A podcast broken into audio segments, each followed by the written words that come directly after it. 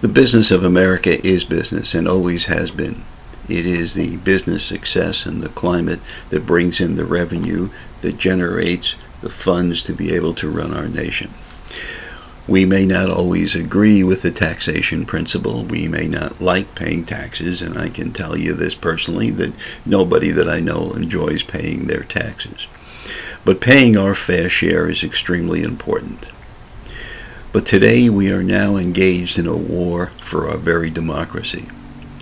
A war that is headed by an individual and individuals who believe that lies, bigotry, hatred, and greed, and more greed, is simply the way to run a nation. The piggy bank of the United States of America should never be at the disposal of one group of individuals as opposed to another. I believe when the founding fathers started this nation, they also had a concern that a two party system would come down to where it is today. I don't know how we're going to get back into the things that we need to do to ensure the future of a nation.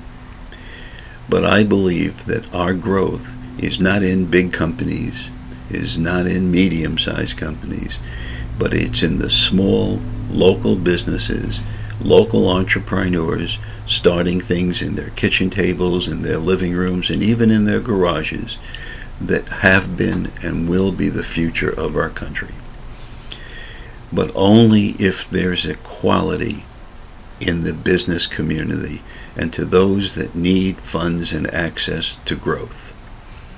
Lying, cheating, and stealing and making things up to cover up for the things that you didn't do is pathetic and a cowardly way out.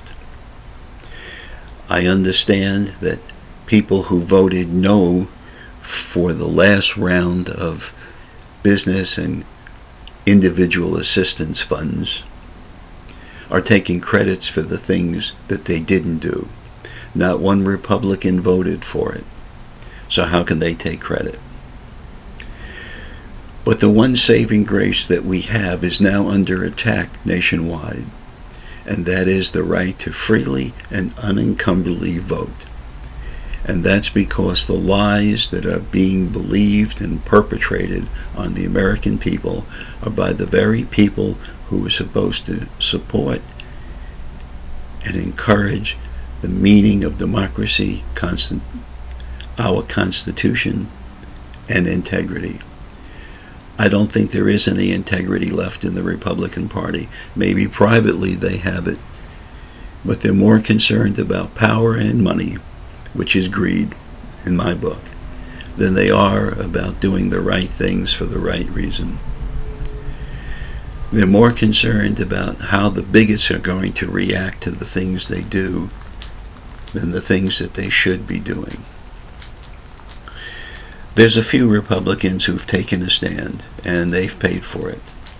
And this is the sign of a gangster who bullies other people into doing things his way.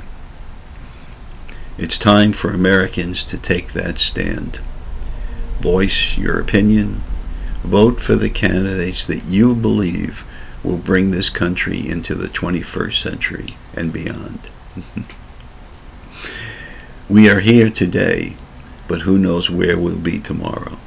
Thank you.